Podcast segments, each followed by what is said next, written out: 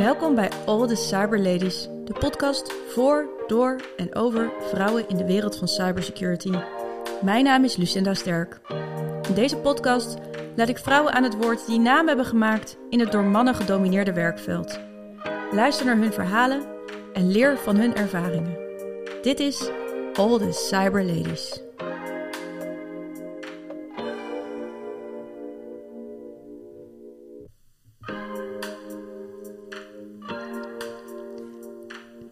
Mijn gast van vandaag is Sarah Brown. Zij is Principal Cybersecurity Lead bij het NCI Office van de NAVO. NCI staat voor NATO Communications and Information Agency. Vijftien jaar geleden verruilde ze haar geboorteland Amerika voor een baan in Nederland. Ze kent de geheimen van succesvolle internationale samenwerking en misschien ook wel die van de NSE. Welkom Sarah. Lucinda, eh, bedankt voor de uitnodiging en uh, gefeliciteerd met je podcast. Ik vind het een fantastisch initiatief. Dankjewel, dankjewel. Ja, het is voor jou soms lastig om nog een beetje Nederlands te spreken, maar je probeert het wel, wat ik echt geweldig vind. doe vooral lekker rustig aan en dan gaan we, gaan we er gewoon iets moois van maken. Um, over de NSE gaan we het straks hebben. Of wil je dat gelijk uh, eigenlijk vertellen? Want wat, wat deed je daar precies? Ja, dat is waar. Ik heb uh, eerder gewerkt, geïnterned um, bij, bij de NSA. Het was heel cool mijn eerste kleinbaan daar te beginnen. Ik ben opgegroeid in Maryland, in Amerika, waar veel mensen voor de overheid werken. In verschillende organisaties, ook de NSA. Mijn moeder heeft aan mij verteld dat ze hadden een, een stagiairprogramma uh, voor middelbare schoolleren gestart. Dus ik solliciteerde. Um, op de middelbare school was ik meer geïnteresseerd in wiskunde, informatica, natuurkunde dan, dan vakken zoals geschiedenis uh, of Engels of Frans. Dus ik vond het best cool um, als ik een bijbaantje kon krijgen, wat geld kon verdienen.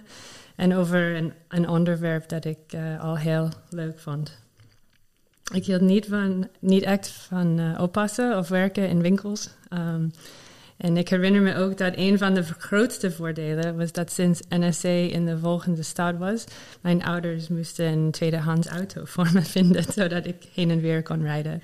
Ik had dus al op mijn zestiende veel uh, vrijheid en wat inkomen. Ja, dat is wel heel tof natuurlijk in Amerika dat je een mooie auto kreeg eh, van je ouders daarbij met een uh, bijbaantje. Natuurlijk. Ja, want, want hoe komt iemand eigenlijk bij de NSE te werken? Het is natuurlijk best wel een wereld van geheimhouding en secrecy uh, daaromheen. Ja, ja, een beetje solliciteren bij de overheid kan een, een zwarte doos zijn. maar, maar eigenlijk is het net als andere bedrijven. Het is er is een standaard aanvraagproces. En het is altijd makkelijker als je een connectie hebt uh, mm -hmm. om een status uh, te controleren. Uh, voor verhalen over vrouwen die daar hebben een voldige carrière hebben gewerkt, is er momenteel um, een heel gaaf project, het Queens of Code project. Dat deelt ervaringen en verhalen over vrouwen die bij NSA werkten, inclusief die van mijn moeder. ze hebben een website, um, Queens of Code, uh, en verhalen op een display in het US National Cryptologic Museum. Oh, wat onwijs gaaf. Ja. Oh, wat stoer. Want jouw moeder heeft daar ook gewerkt, ja, hè? Ja, ja, zeker. Ja, ja. Oh, dus dan, dan leren we ook nog even iets over wat jouw moeder daar misschien uh, heeft gedaan. Ja. En dat is een website, Queens of Code Project. Mm -hmm. Queens okay. of Code nou, Project. Ik zal in de LinkedIn-post uh, de link uh, delen daar naartoe. Ja. En, en nou ja, de NSE kennen we natuurlijk allemaal ook over de geheimen. Hè? En, en hoeveel, hoeveel zero days hebben ze daar nou precies op de plank liggen? Geen idee, geen idee. Ik weet niet zeker of zero day een term was toen ik was een zomerstudent. het is al een tijdje geleden. Ja, ja, want je bent inmiddels alweer 15 jaar in Nederland, hè? Ja. Um, en wat was je eerste aanraking eigenlijk met de Nederlandse security-wereld? Want je hebt ook een tijdje bij Fox IT uh, gewerkt. Ja, um, eerst moet ik naar, naar Nederland komen. Ik heb um, ja, na, na middelbare school en uh, na universiteit, ik heb wiskunde op graduate school gestudeerd.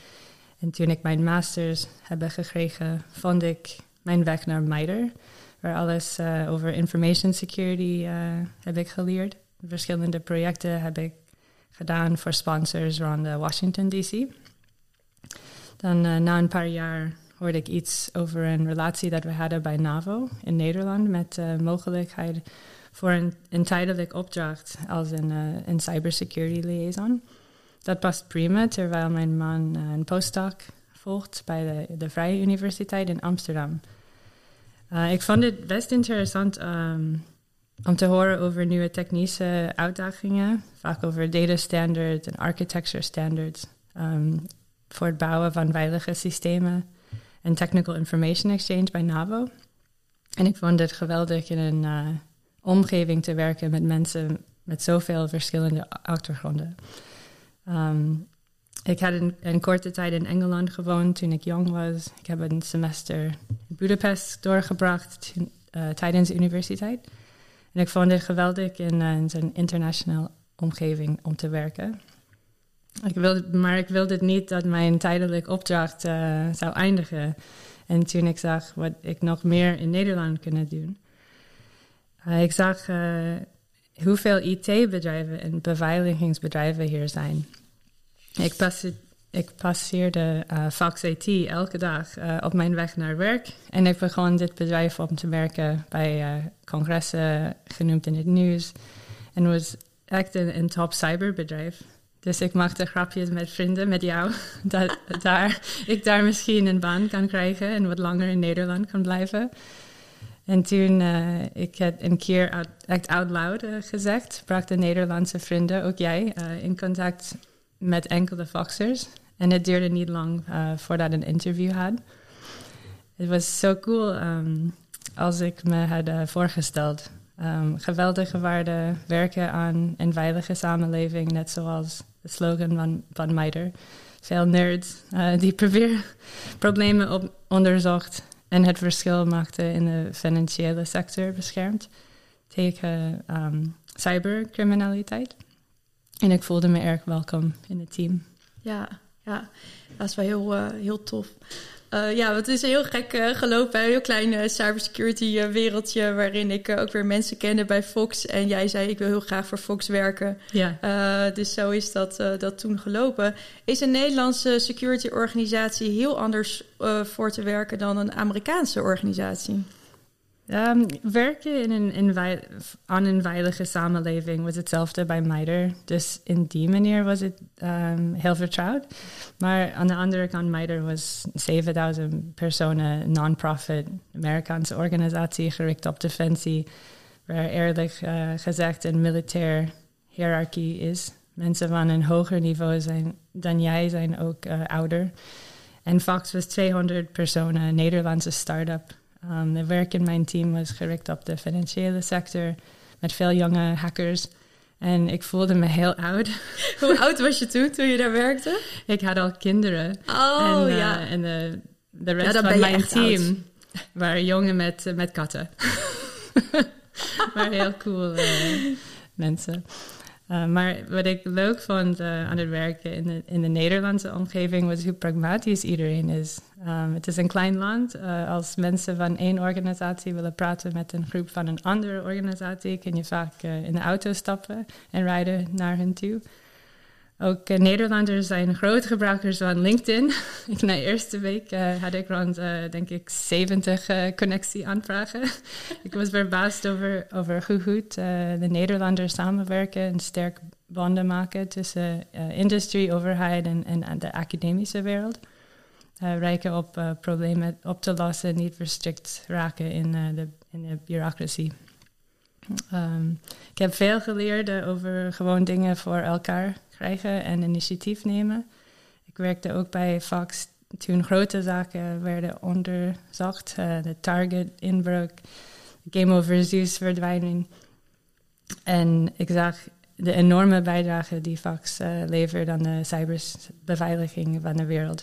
Het maakte me uh, erg trots. Ja, ja. En toch heb je uiteindelijk dan weer de stap teruggemaakt naar de NAVO. Ja. en wat doe je daar nu precies? Ja, rond de tijd die Fox werd uh, verkocht, uh, deed ik een kans uh, voor om weer lid te worden van de NAVO. Niet op een tijdelijk Amerikaanse opdracht, maar als staf, als medewerker. Ik werkte al drie jaar bij Fox met de focus op de cybercriminele teams, de infrastructuur, de processen. En ik besloot dat ik graag wilde werken aan het bouwen van de teams en infrastructuur en processen van de good guys. ik kwam eerst uh, bij het Cyber Capability Development Team, gericht op het meten van de sterkte van ons beveiligingssystemen bij de NCI Agency. Um, hoe ze worden gebruikt en het ontwerpen van verbeteringen uh, daaraan. En dat doe ik nog steeds, maar het is nu uitgegroeid door een focus op de technische IT en cyberbeveiliging in de hele NAVO-onderneming. Richt me nog steeds veel op uh, interoperability, uh, data models en standards. Maar ik richt me ook op uh, programma en, en strategie. Op welke projecten richten we ons elk jaar? Hoe doen we aan risicobeheer? Hoe versterken we onze werk in kwetsbaarheidsbeheer en andere cyberfuncties? en hoe werken we samen met, met partners uit de industrie en andere organisaties om deze uitdagingen het hoofd te bieden? Ja, een mooie, mooie opdracht. Het is ook wel echt heel, uh, heel groot uh, onderwerp, uh, natuurlijk heel breed. de, de, de security van de hele, de cyberbeveiliging van de hele NAVO-onderneming. Mm -hmm. wat, wat, het, even het tussenvraag, hoe groot is de NAVO? Weet je dat uit je hoofd? We beschermen onder or 1 biljoen, um, miljard uh, citizens ja. over de wereld. Dus ja, het is, ongelooflijk grote organisatie. Ja, de organisatie, uh, de medewerkers zijn kleiner, ja. maar we hebben een grote rol. Ja, enorme grote rol. Dus het is ook een hele mooie organisatie om, om voor te werken ja. eigenlijk. Ja, en um, nou ja, omdat het zo'n grote organisatie is, is het ook heel verspreid hè, over de hele wereld uh, eigenlijk. Tenminste, een groot deel daarvan, westerse wereld. Ben je dan ook uh, veel op reis? Uh, zijn, zijn er bijvoorbeeld ook oefeningen waar je aan meedoet? Ja, de NATO uh, zit in is 31 landen. Ja. Um, voor COVID reisde ik veel voor, voor oefeningen waar we experimenten hebben gedaan met interoperability van systemen en testen van processen of, of naar congressen om onderzoek te delen. En nu reis ik vaker naar, naar Brussel voor vergadering over een soort politieke of policy kant uh, van NATO. Of, uh, of soms naar, naar Mons, waar we de, de militaire uh, kant steunen. Wat, wat, is, wat is Mons precies? Mons is een kleine, kleine stad, ook in België. Oké, okay. ja. en, en daar zit een bunker? ja, toch? Zo stel ik me dat dan altijd voor. Dat daar dan, ja. want dat, dat NAVO is, is, natuurlijk ook een militaire organisatie ja. eigenlijk. Dus, dus daar zit dan, dan allemaal militairen bij elkaar? Of... Hoe zie ik dat? Ja, het is een uh, militaire uh, site. Mm -hmm. uh, er is wel een bunker en ja, verschillende gebouwen met, met mensen uit de, de, landen van NATO. Ja. Die werken samen. Ja, ja. Wel, wel bijzonder hè, om dan zo in een internationale omgeving te werken. Wat het is, ja, wat het is, is, het, is het ook een uitdaging eh, om, om met veel verschillende mensen te werken uit verschillende organisaties of uit verschillende achtergronden? Het, kan een uitdaging zijn om te werken in een organisatie waar 31 landen het eens moeten worden over prioriteit en financiering enzovoort voor uh, verschillende initiatieven. Soms gaat het niet zo snel als je zou willen. Uh, maar ja, het werk is over plannen, ontwerpen, leveren en integreren van, van oplossingen in een vrij uh, ja, uniek omgeving. Um, je, je kan echt je, je vaardigheden in uh, communicatie, samenwerking en ook de technische cybersecurity uh, ontwikkelen. Ja, ja.